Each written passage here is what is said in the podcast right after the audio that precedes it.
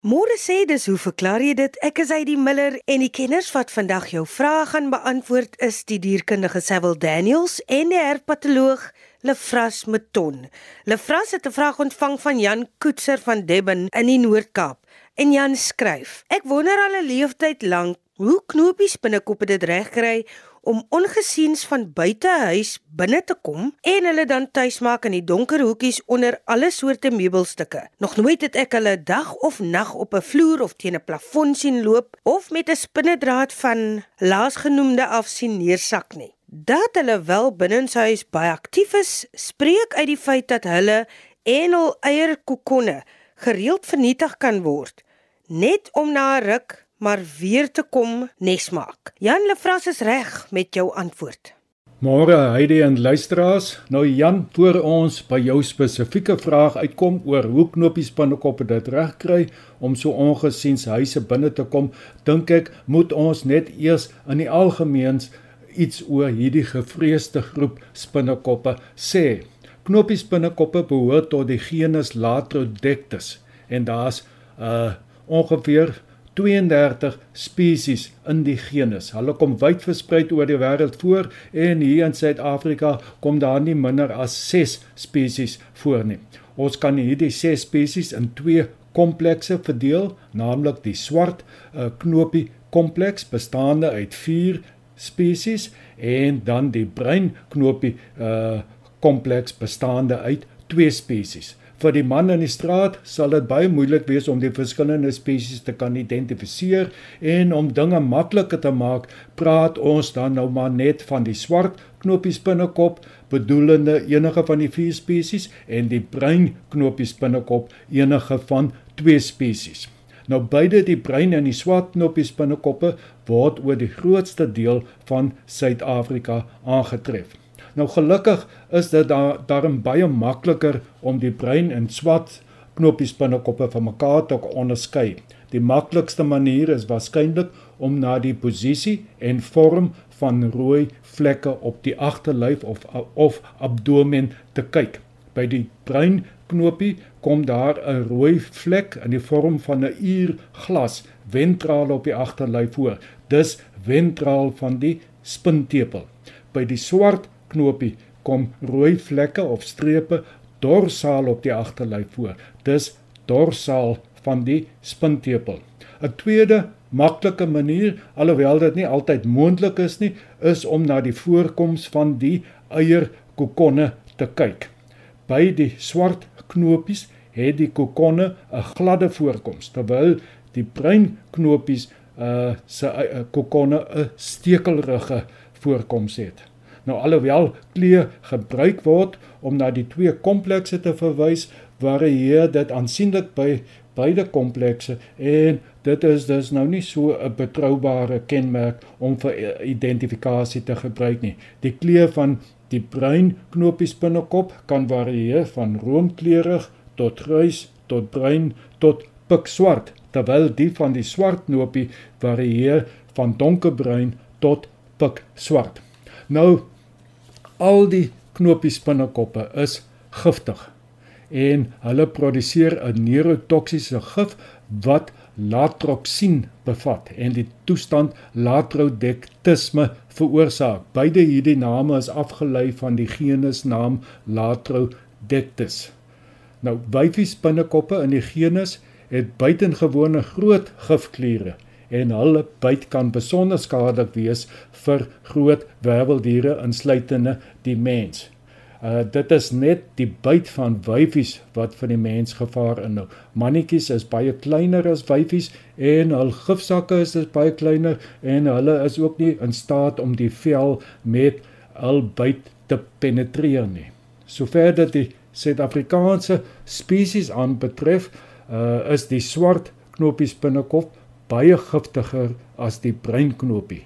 Die byt van die swart knoppie is baie pynlik en veroorsaak erge spierpynne en krampe, styfheid van die maagspiere, ledemaatpynne, uh erge sweet, verhoogde bloeddruk en rusteloosheid.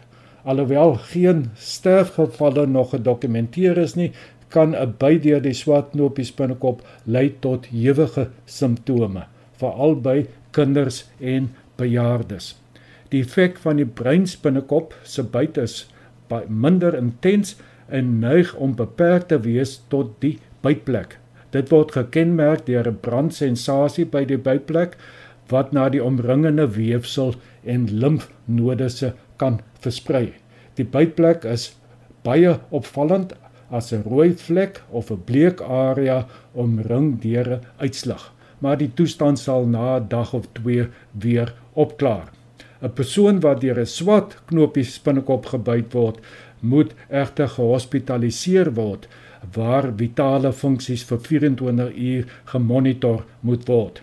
Die toediening toediening van swart knoppies binnekop teegif is die enigste effektiewe behandeling van ernstige latrotektisme.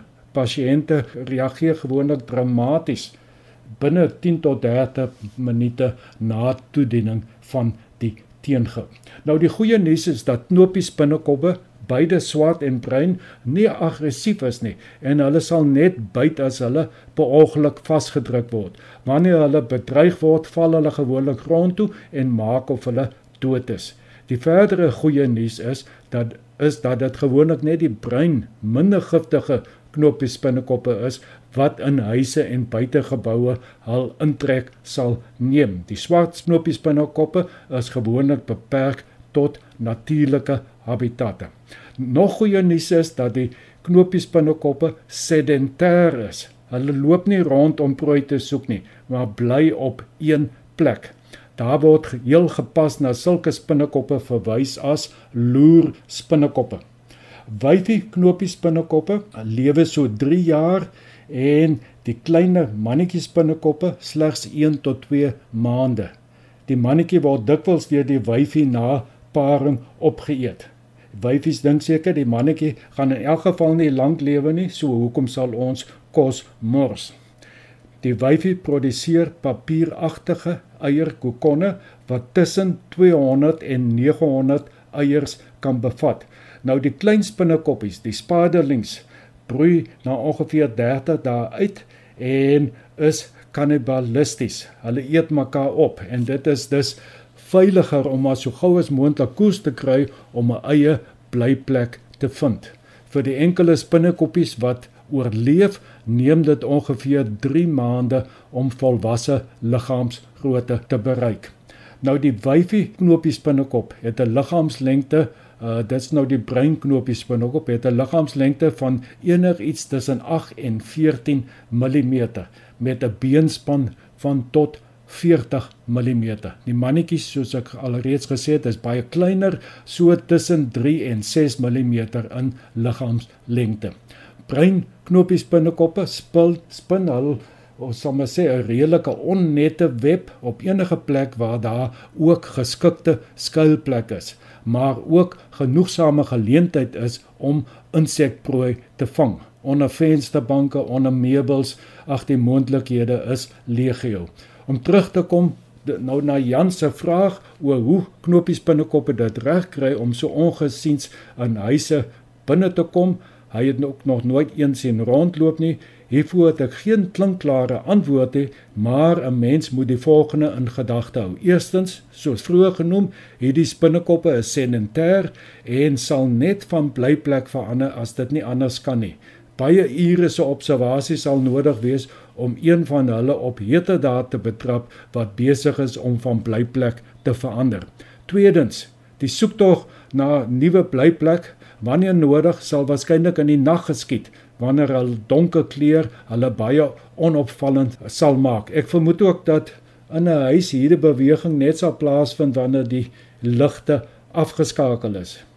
Derdens, die babaspinnekoppies is nog baie klein wanneer hulle die eierkokon verlaat om 'n nuwe tuiste te vind en 'n mens sal 'n baie skerp oog moet hê om hulle te kan raak sien. Daar bestaan ook 'n sterk moontlikheid dat wanneer Jan uh so gereeld volwasse wyfies en hulle eierkokonne uit die huis verwyder, die eiers alreeds uitgebroei het en dat daar alreeds 'n hele paar klein spinnekoppies op verskillende plekke in die huis is wat Jan dan eers sal raak sien wanneer hulle heelwat groter is.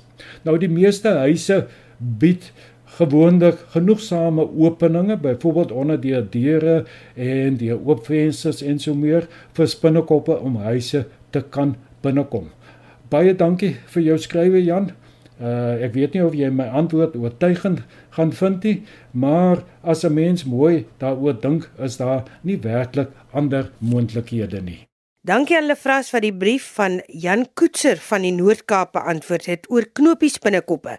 Onthou jy kan hierdie gesprekke in MP3 formaat gaan aflaai by rsg.co.za. Dis ons webtuiste onder potgooi as jy weer daarna wil luister. Goeiemôre Heidi, goeiemôre kollegas en goeiemôre aan die luisteraars. Ons vanoggend 'n vraag van Marie Hudson wat graag wil weet of 'n mens COVID-19 van hulle troeteldiere sal kan kry. Marie, ek gaan nou jou vraag probeer antwoord met 'n lekker lang Kaapse draai.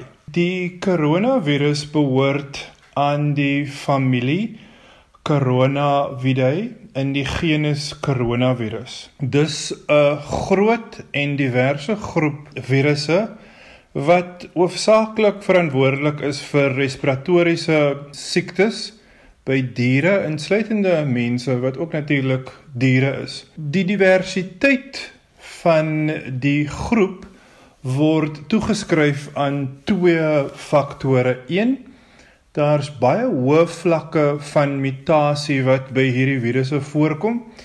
En die hoofrede daarvoor dink die wetenskaplikes is die feit dat die um polimerase of die ensiem wat verantwoordelik is vir die herstel van die RNS, die ribonukleïere sure of die DNS, die deoksiribonukleïere sure, baie plasties is en dat dit gewoonlik baie maklik 'n fout kan maak en hierdie foute in die herstelproses by die nukleïensure is dan werklik verantwoordelik vir die groot vlak van genetiese variasie wat 'n mens sien by virusse.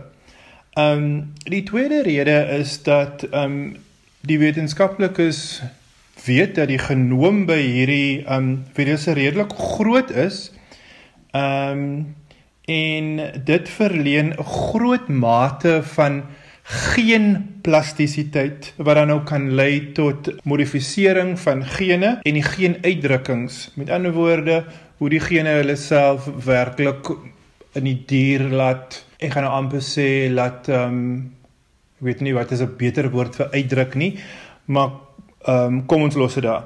So twee groot redes hoekom daar genetiese diversiteit binne die groepe is binne die koronavirus. Dit is uit die staanspoor belangrik om te onthou dat diere natuurlike berging of stoorplekke vorm vir hierdie koronavirusse. Nou daar is 3 groepe van koronavirusse wat bekend is. Die alfa koronavirus waarvan dan volgens die literatuur bitter min inligting is.